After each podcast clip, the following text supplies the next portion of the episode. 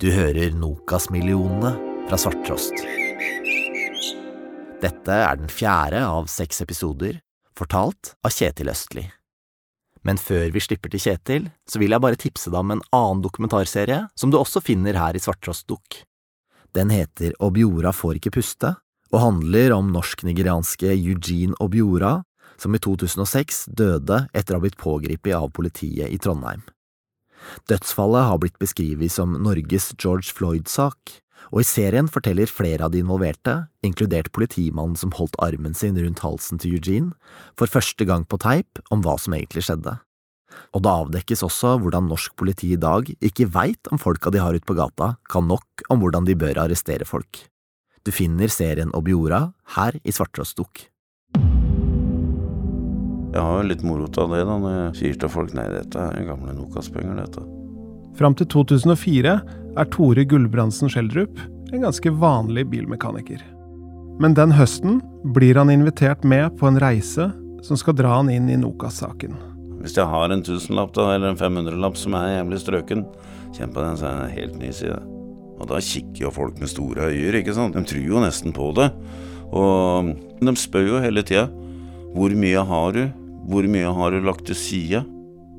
Det Tore får vite om Nokas-pengene, gjør at han får trusler om å bevæpne seg med kniv.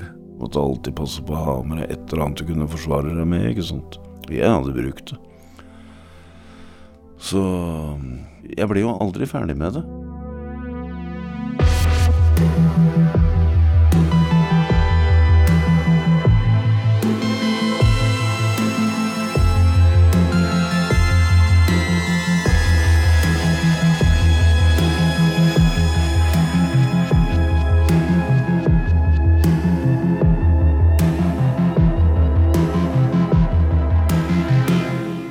Jeg heter Kjetil Østli, og du hører på Nokas-millionene.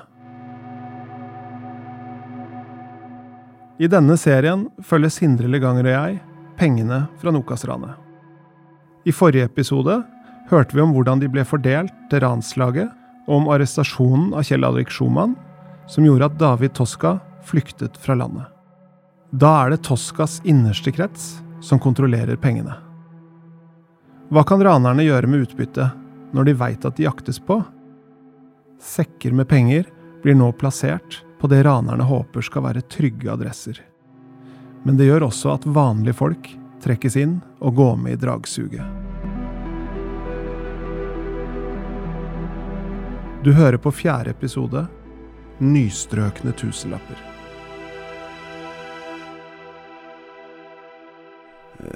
William, han eh, Han er jo fra Harstad, da. Veldig hjelpsom, uh, imøtekommende. Jeg visste han hadde litt svinn på skauen med noe spritsmugling og sånt, og det har han jo sona dom for. Og det var vel kanskje der han ble kjent med noen av disse andre folka òg, da. I 2004 driver Tore Gulbrandsen Schjelderup et lite verksted utafor Drammen. Han er en god venn av William Pettersen, eller Skipperen, som han blir kalt. Du husker kanskje at etter ranet så var det skipperen som frakta ransutbyttet fra Stavanger og over til Oslo.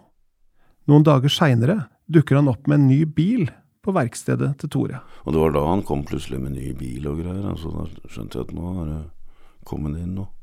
Ifølge skipperen dreier det seg om en arv. Så jeg tok det som god fisk, jeg, at det var lovlige penger. Og jeg tror jeg spurte noe her, liksom Er det bare arv, liksom? Ja, det var bare arv. Og da tenkte jeg at ja, det er greit nok, det. Da var det vel litt igjen, da. Tore tenker ikke mer over det. Han tenker ikke over så mye annet heller på den tida. Han har nok med seg sjøl. Første gangen jeg var rusa, da var jeg åtte år gammel. For da hadde jeg fått uh, moped og måtte, uh, måtte stjele litt bensin av naboen lå under en bil og tappa litt bensin, og da ble jeg liggende i bensindampen. Og når du er åtte år gammel, så tar det ikke så lange tida før du får en uh, rus av pust inn dampen, ikke sant. Og det var jo liksom første gangen jeg liksom kjente den der kjemiske rusen, egentlig.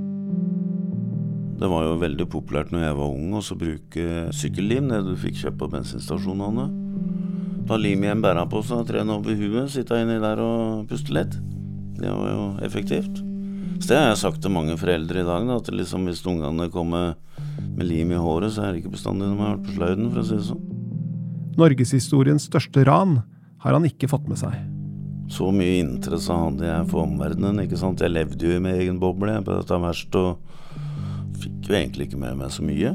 Hadde ikke noe interesse av det, rett og slett. En dag sier skipperen til Tore at han har planer om å dra opp til Lofoten for å kjøpe seg en båt.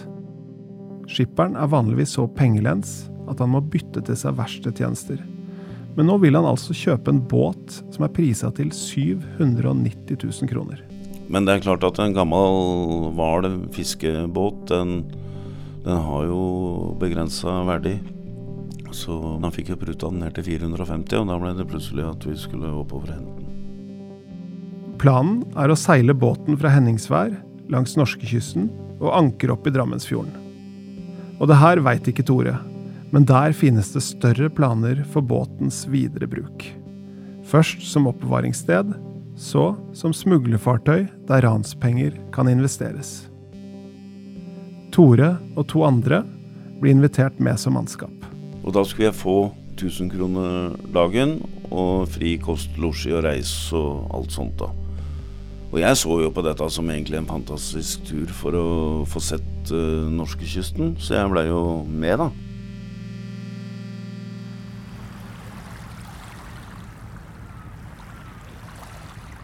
I september 2004 setter de seg på flyet til Lofoten, der båten ligger. Der må de vente en uke mens den gjøres i stand.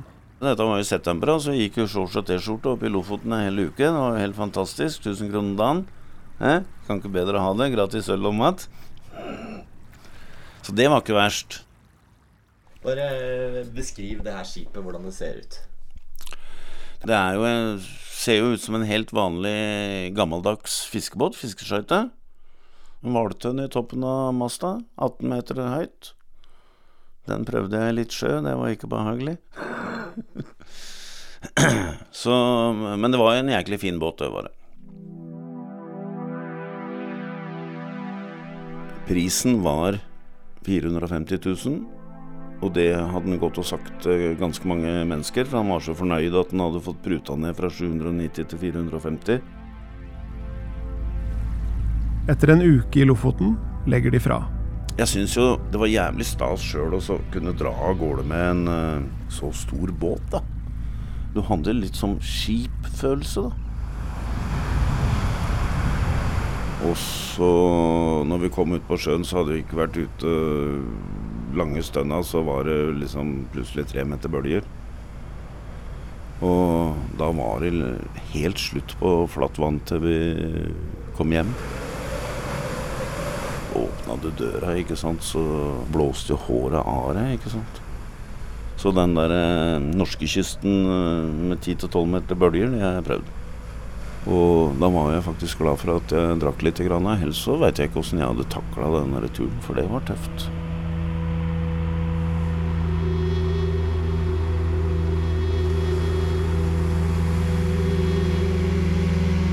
En natt mister de oversikten over hvor de er. Det er høy sjø, og sjøkartene er nytteløse, så de kjører i ring. Da tar skipperen styringa. Han sa at du får bare stelle deg og så telle blinka på lysa når vi kjører forbi. Og så brukte han kanskje et kvarter, så var han helt sikker på hvor han var hen. Da klarte han å sikte seg inn etter de lysa og så finne retningen vi skulle, og der var det vann nok der.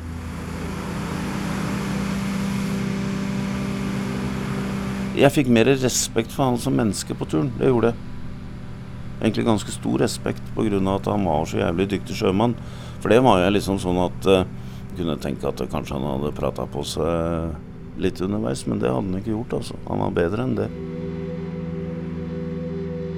Etter en uke på sjøen kommer de til slutt fram til havna i Svelvik utafor Drammen. Da var vi egentlig glad for å være hjemme, og da var vi egentlig litt lei alle sammen. Så det var jo bare å komme seg hjem så fort som mulig, det. Og da betalte han meg for jobben. Skipperen drar fram en mappe. Litt ei mappe, bare. Som han gikk med over skuldra. det. Ja, du skal ha penger for jobben, sa han. Og så fikk jeg 10 000 kroner av han. Husker du noe av seddelvalører på de Og ja, ny, nystrøkne tusenlapper. Rett fra Stavanger. Det er garantert. Ja, Så det var av de penga. Det eh, det var hans penger. For de hadde ikke vært i sirkulasjon, de penga jeg fikk der, altså.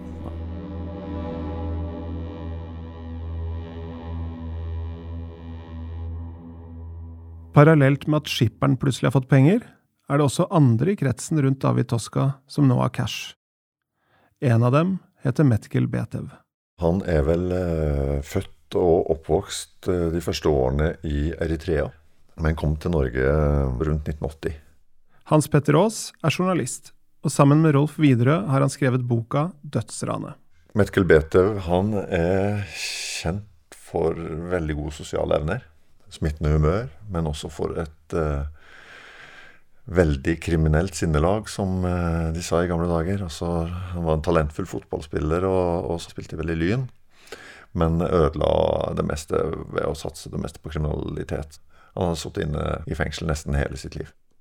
Ifølge Hans Petter ble Metkel Betev og David Toska tidlig venner. Ja, han er jo en av de som har vært med lengst. Han øh, har vært med på noen av de store greiene som Toska også har vært med på. Så, så han er en, i den innerste kretsen. Han og, og, og Toska er veldig, veldig tette.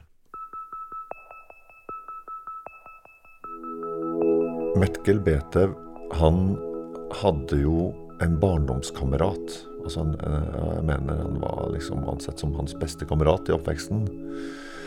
Som hadde dødd i en trafikkulykke noen år før Nokas-ranet. Men Bete hadde da beholdt kontakten med foreldrene, og særlig faren, da, til barndomskompisen sin.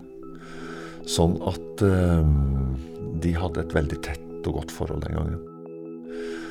Og faren, det var da han som senere skulle bli kjent som pølsemakeren. Dels blir han kalt for pølsemakeren fordi han hadde jobba med pølse. Men hovedgrunnen er for å beskytte anonymiteten hans.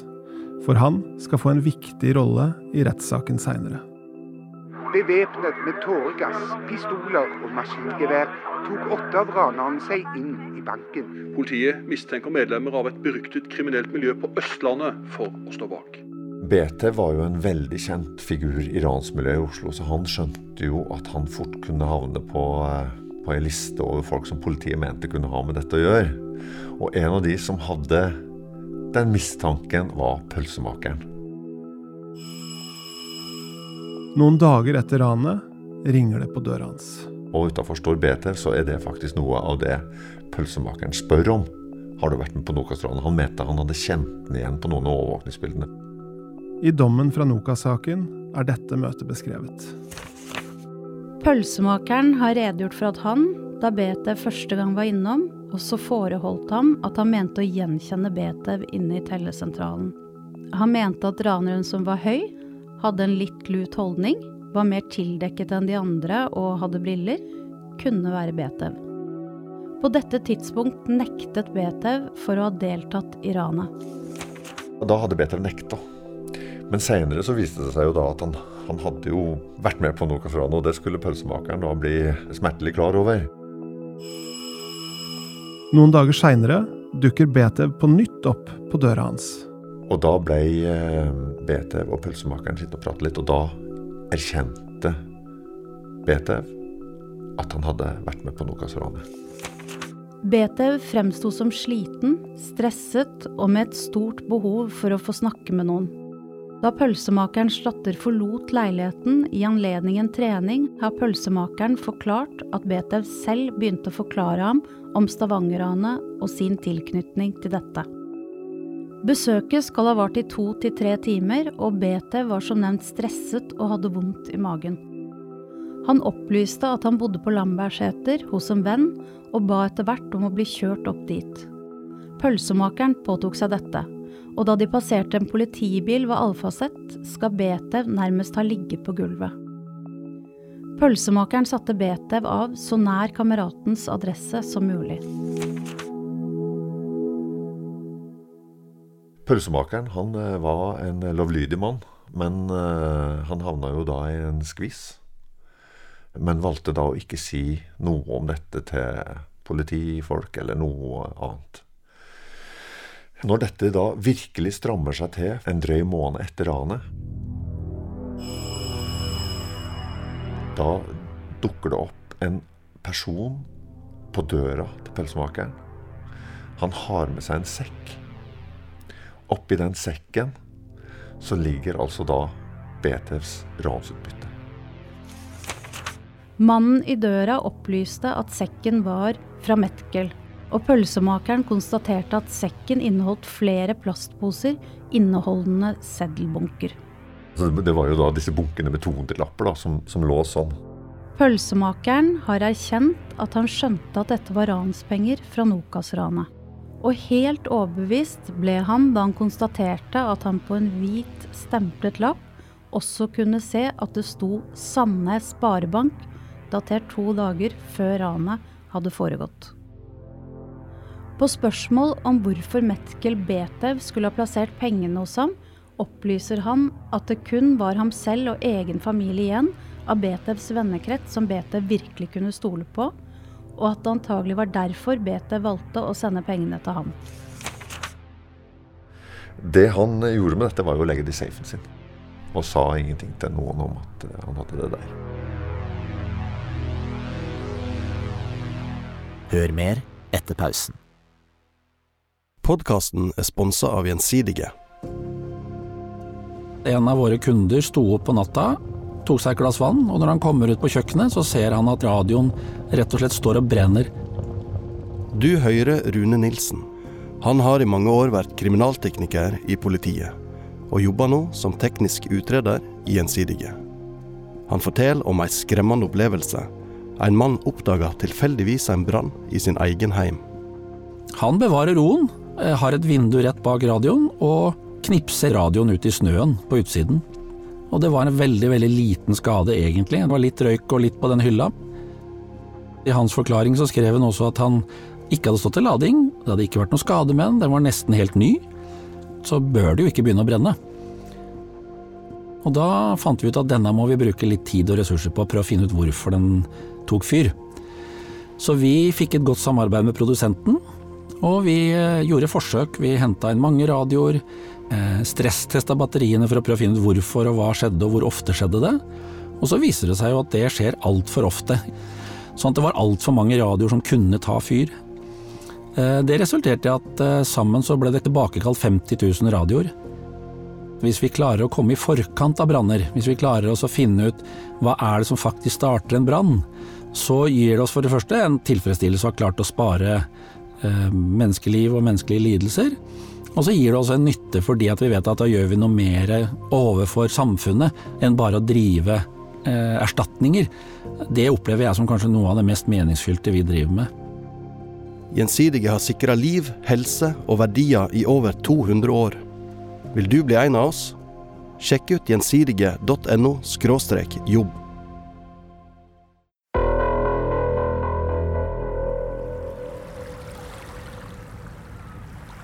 Han bare snakka om at han syntes det var deilig at det var kommet til Drammen. Og han hadde jo så mye store planer med denne båten, og han skulle gjøre dit og skulle gjøre datt. Tore Gulbrandsen Schjelderup hadde fått 10 000 kroner av skipperen. Nå lå båten til kai i Drammensfjorden. Så han hadde mye planer, så han hadde sikkert noen penger på lur som han hadde mulighet til å bruke til dette. To dager etter at de har lagt til kai, observeres den røde lastebilen til skipperen i nærheten. Den samme bilen som hadde blitt brukt til å frakte ransutbytte fra Stavanger. Den rygges helt ned kaikanten på en sånn måte at det blir litt vanskelig å se hva som er der inne. Og det bæres noe om bord. Det var jo ingen som da visste noe om hva det var.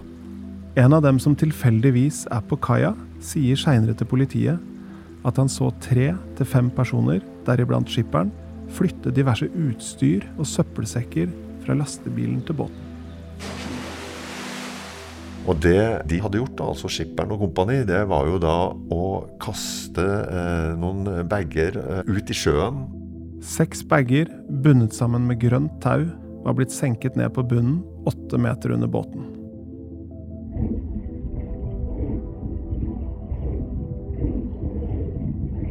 Men så ville tilfeldighetene da at eh, brannvesenet i Drammen gjennomførte dykkerøvelse i dette området rundt båten bare noen dager etter at hvalfangstskuta hadde lagt til kai i Drammen. Og når da dykkerne går i vannet, så ser de jo da alle disse bagene som ligger på eh, havbunnen eh, rett under båten. Og da blir de jo nysgjerrige. Dykkerne samler sammen bagene fra sjøbunnen og får dem med seg opp på kaia. Og det de da oppdager, da, er ransutstyr.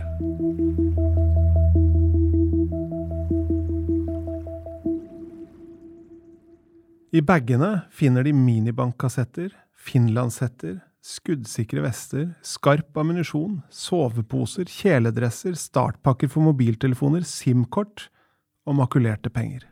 Det som var, var at han skulle ned til båten på morgenen, for da var han innom meg først. Tore Gulbrandsen Schjelderup jobber på verkstedet sitt da skipperen svinger innom og hilser på. Og så reiser han ned til båten, og da var det fullt oppstyr ned med båten. Med, da var jo brannvesenet der, dykkerne, og det var masse politi der. Og da kjørte jo han bare forbi, og så kom han opp på verkstedet igjen. Mens han da er inne på verkstedet, så ringer de da fra politiet. Eneste han sa Jeg spurte han, ja, hva var det for noe, for jeg så han blei litt rar. Jeg må ned til båten, sa han, og så Fader, sier jeg, liksom, hva er dette for noe? Nei, jeg veit ikke, men jeg får jo bare reise ned, sånn. Skipperen finner fram den lille mappa som han tidligere hadde henta fram de nystrøkne tusenlappene fra. Og det er da han leverer fra seg den mappa, og sier han at denne må du ta vare på for meg, Tore Sand. Og da, allerede da, skjønte han at han eh, kom til å bli arrestert, for at jeg har aldri sett den så tafatt og bleik noen gang som noen dro av gårde akkurat da. Altså. Så det visste nok da at det her er knepig. Og der lå jo penger og, og minibankkort og alt dette, da. Hvor mye? Et sted mellom 70 og 100 000 var inn. Ja. I tusenlapper, eller? ja. Like flunkende nye som de forrige? ja. Nede på kaia blir skipperen arrestert. Folk som lever seg inn i forbrytelser, vil jo nå reagere sterkt. Er det mulig? Bare dumpe utstyret rett utafor kaikanten? Men da må det legges til at andre kilder mener det her bare var en midlertidig plassering, og planen trolig var at man skulle lenger til sjøs, slik ranerne på ranslaget hadde blitt lovet. Men nå har politiet tatt skipperen, og de finner raskt fram til et lager han leier. Og der oppdager de enda mer utstyr. Blant annet våpenet som ble brukt til å drepe politimannen Klungland i Stavanger. Ja, altså, altså For politiet var jo det øh, beslaget av helt avgjørende betydning. Journalisten Hans Petter Aas. Både fordi at de kunne knytte direkte enkeltpersoner i ransmiljøet til ranet plutselig, men også fordi at de fikk eh, beslaglagt eh, våpnene som ble benytta, inkludert drapsvåpenet, som jo var en helt sentral del av eh, etterforskninga. Mens skipperen sitter i arresten, får Tore ansvar for å ta seg av den nye båten hans. Jeg lurte jo fælt på i lang tid hva jeg skulle gjøre med denne jækla mappa, da, som jeg fløy og passa på. Jeg kakka ut i en lekastein i en sånn mur ute, på, ute i inngangen til verkstedet der som jeg gjemte, gjemte denne mappa og greier. Fader, jeg styra noe helt jævlig med det, altså. Men uh, når du sitter med 136 tonn med båt og ikke veit hvor du skal gjøre av det, det er ikke godt å være blakk i hvert fall. Da er det greit å få betalt for seg, så det er ikke gratis å ha han liggende ved ei brygge i Drammen og betale døgnleie og strøm, ikke sant. Og Derfor så flyttet jeg båten til Horten etter etter han ble arrestert. For det var mye billigere å ligge i Horten enn det var i Drammen. Og slik havner det som sannsynligvis er Nokas-penger, i lomma til Horten kommune. Jeg tror vi betalte leia på forskudd der. Kontant til Horten havnevesen.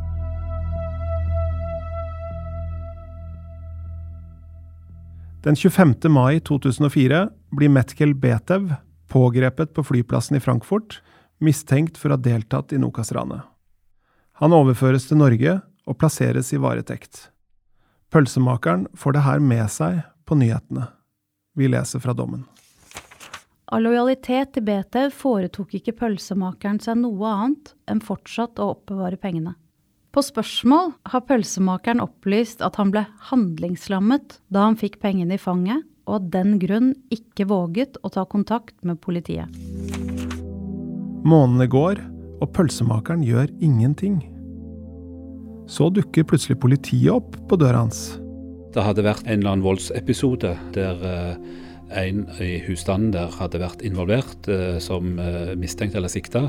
Og i den forbindelse så ble det beslutta ransaking av den boligen. Bjørn Kåre Dahl var etterforskningsleder i Stavanger-politiet. Og han blir ringt opp fra kollegen i Oslo, som har gjort et interessant funn.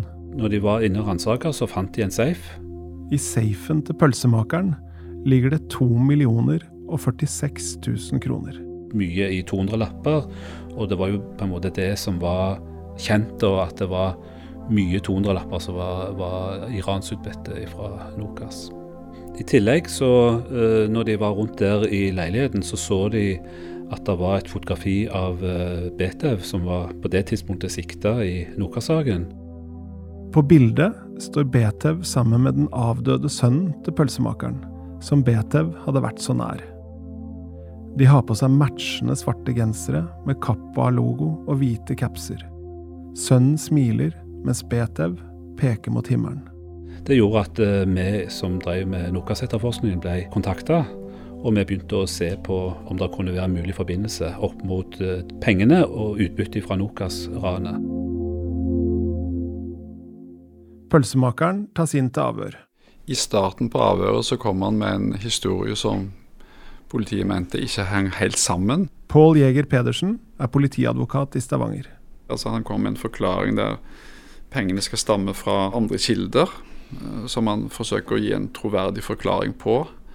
Det overbeviser ikke oss. Eh, vi er skeptiske til forklaringen og, forholdene at vi mener at eh, det er mer sannsynlig at pengene stammer fra, fra Nokas. Og, og etter han blir forholdt dette og får tenkt seg om, så velger han da å komme med en ny forklaring. Der han da på en måte legger kortene på bordet sånn som vi oppfatter det. Her kan man jo bare ane hva som har foregått i hodet på pølsemakeren. Betev var bestekameraten til sønnen, og da sønnen døde, har Betev fortsatt vært der for familien. Og de har vært der for ham. Men nå er Betev tatt. Politiet har funnet sedler med glassstøv fra Nokas-vinduet. De har bilde av Betev og sønnen som henger i huset, og de sier 'vi tror deg ikke'. Hva gjør du da? Du har hjulpet en raner på flukt, og du har oppbevart ransutbyttet. Men du har jo gjort det for å beskytte en du er glad i. Nå er det du som er i trøbbel. Pølsemakeren bestemmer seg for å fortelle, og han forteller mye. Det er jo en relativt viktig forklaring, fordi at den gir jo noen svar. altså Den gir jo faktisk uh, svar på Betev sin medvirkning. Og det gir jo òg en troverdighet at han da forteller om Betev sin rolle, men samtidig òg flere andre navngitte sin rolle.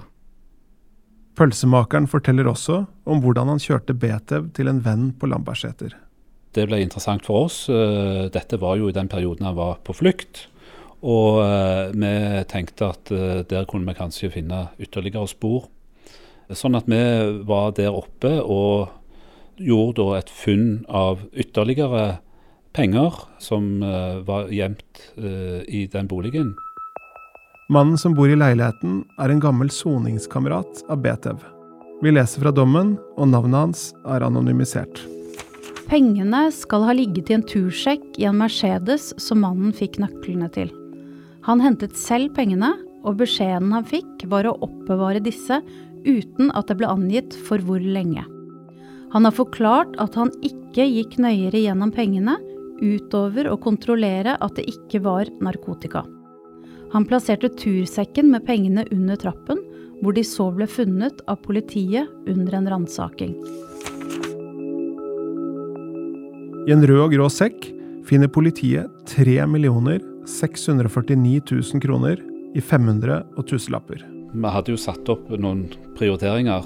Det aller viktigste for oss var jo å oppklare drapet og ta de som hadde utført ranet. Og så hadde vi det, som tre, nummer tre da, var det jo å, å finne utbytte. Og klart, eh, Vi hadde jo kommet ganske langt i de to første. sånn at det at vi òg begynte å få litt mer eh, funn på det som gikk på utbytte, det var jo en veldig god nyhet for oss. Men eh, vi visste jo at dette var vel en pluss-minus 10% av det totale utbyttet. Sånn at det var jo mye, mye mer da som mangla.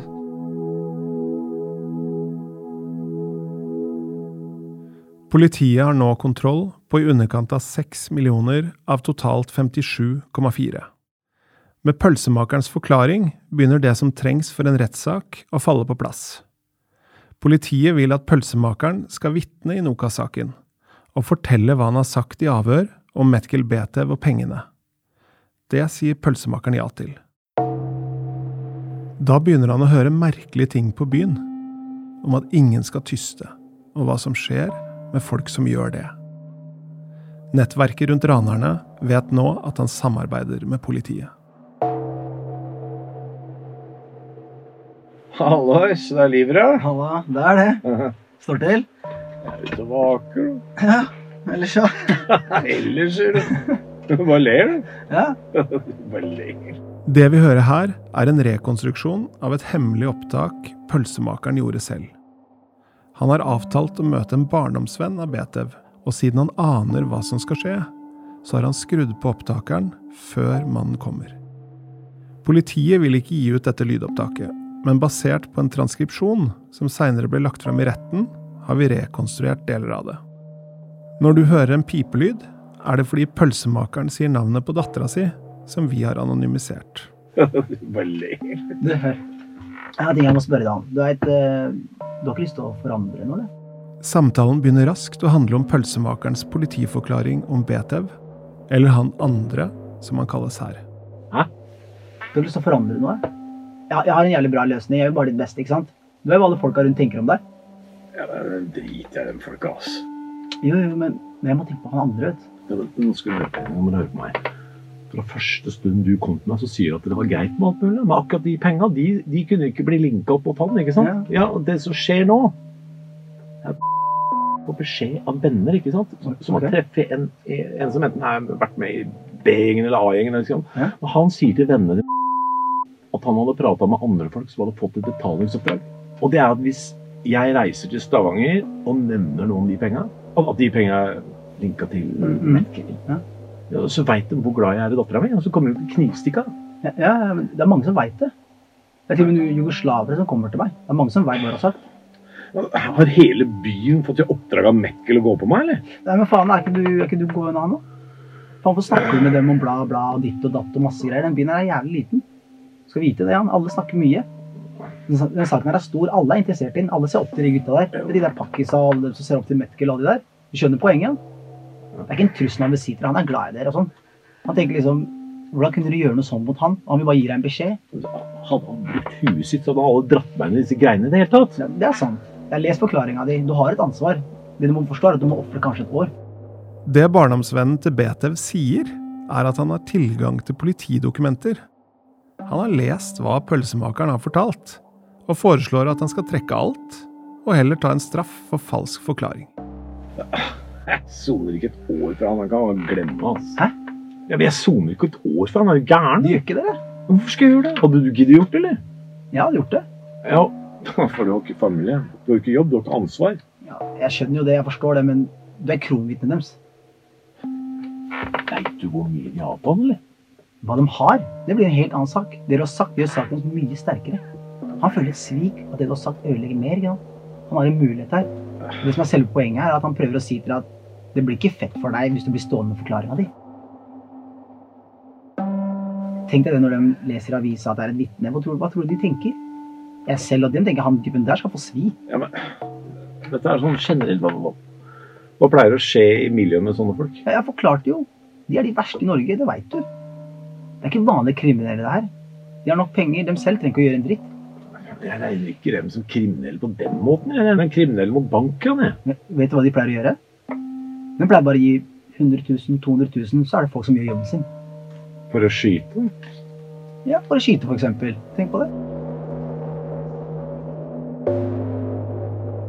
Hør Metkel. Jeg vet ikke om han tenker, hvis han får 21 år, at han skal ta hevn. Jeg tror ikke det, sånn som jeg kjenner Metkel. Ja, men, liksom. altså, jeg, forstår at det valget mitt Jeg har egentlig bare to valg. da. Det ene valget er også at hvis jeg ikke forklarer meg. ikke sant? Det det er ikke et valg jeg ville gjort. Det er mange som har sagt til meg at han burde ikke dra dit. Men jeg sier du burde dra, men du burde forandre. Du drar dit, gir forklaringen og forandrer alt. Greit, da har purken driti seg ut, og den tenker ok, og da går den bare på de bevisene de har. Og hvis den blir dømt da, er det ikke ditt problem. Da har du iallfall gjort jobben din, Jan. Ja, men altså, Det er klart at valget er vanskelig, ikke sant?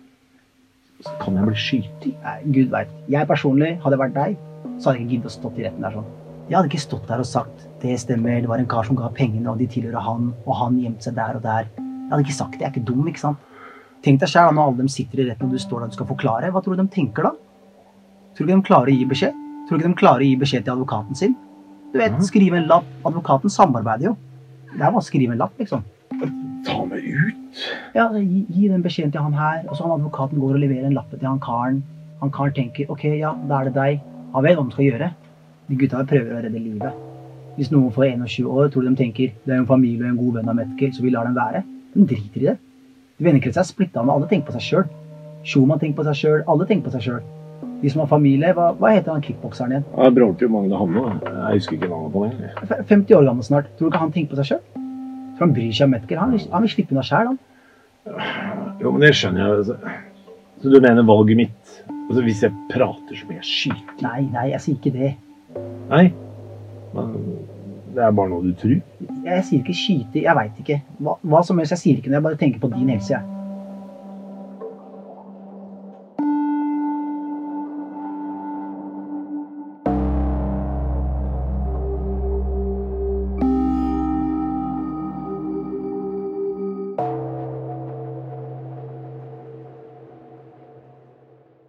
Som jeg husker godt fra de der første avhørene, var jo det at det skulle være fingeravtrykk. Men da var det jo liksom håndavtrykk, fotavtrykk, DNA, hele pakka. Etter at politiet fant bagene med ransutstyret under og i båten, blir skipperen arrestert. Vennen hans, Tore Gulbrandsen Schjelderup, blir også innkalt til avhør. Da følte jeg meg som en eh, ordentlig kriminell, altså. Når jeg sto der i underbuksa. Kjelleren på Drammen politistasjon. Politiet er interessert i pengene til skipperen. De har funnet ut at han flere ganger de siste månedene har satt inn store kontantbeløp i banken. En dag er det 90 000 fordelt over fem banker, en annen dag er det 110 000 rett inn i postbanken. Cash. Tore forteller politiet at på turen til Lofoten så skal skipperen ha skrytt av at han bare betalte 450 000 for den svære hvalfangerbåten. Noen dager seinere får Tore et brev i posten. Det var poststempla, men det ble noe frimerke på det, tror jeg. Jeg åpner det, og da ser jeg jo det med en gang at det er tettskrevent av fire ark med diverse ting som ikke kom meg til gode. Pluss at jeg da ble bedt om å forandre forklaringa mi i forhold til de 450 000 kronene, summen på båten. I det håndskrevne brevet, som ikke er signert, står det Vi vet hvor du bor og jobber. Du bør tenke deg om hvor du fikk vite om kjøpesummen på 450 000 kroner. Den rette summen er 150 000 kroner. Vi vet om dine svin på skogen. Vil du ha fred, så gjør du som skrevet. Og ferdig tegna med kist og Rest in Peace på greier. Hva, hva tolka du det som, da? Nei, det er jo Her må du gjøre som vi sier, liksom. Tore ringer politiet med det samme og forteller hva som har skjedd. Det var jo han fra politikammeret i Drammen her som satt på sånne saker. Han, eh, han sa jo at det hadde jo gått ut en pris på huet på meg på 60 000 den gangen. Og det er egentlig ganske mye i Norge, det, altså, for du bør ikke betale så mye for å få tatt noen, liksom. Så jeg tenkte at fytte helsike Jeg blei ordentlig redd. Ja. Men, men det verste var jo ikke akkurat det med den dagen jeg fikk brevet, men det var den nære tida etterpå. Og den derre følelsen at du går og ser deg over skuldra hele tida. Alltid gikk med balltre, alltid gikk med kniv, ikke sant. Måtte alltid passe på å ha med deg et eller annet du kunne forsvare deg med, ikke sant.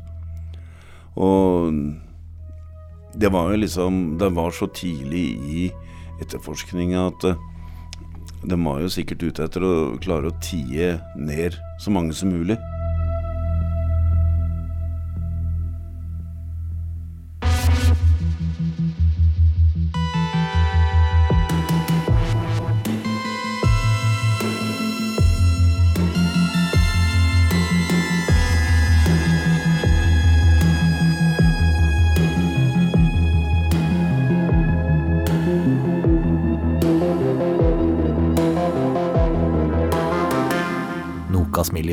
Er laga av Kjetil Østli og meg, Sindre Leganger, i Svarttrost.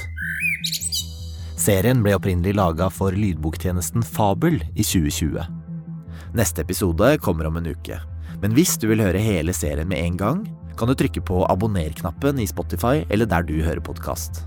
Da er du samtidig med å støtte alle oss her på Svarttrost, sånn at vi kan lage flere dokumentarserier. Musikken var laga av Hans Kristen Hyrve. Redaktør hos Fabel var Ina Charlotte Fjellhøy, og redaktør for Svarttrost Dukk er Kari Hesthamar.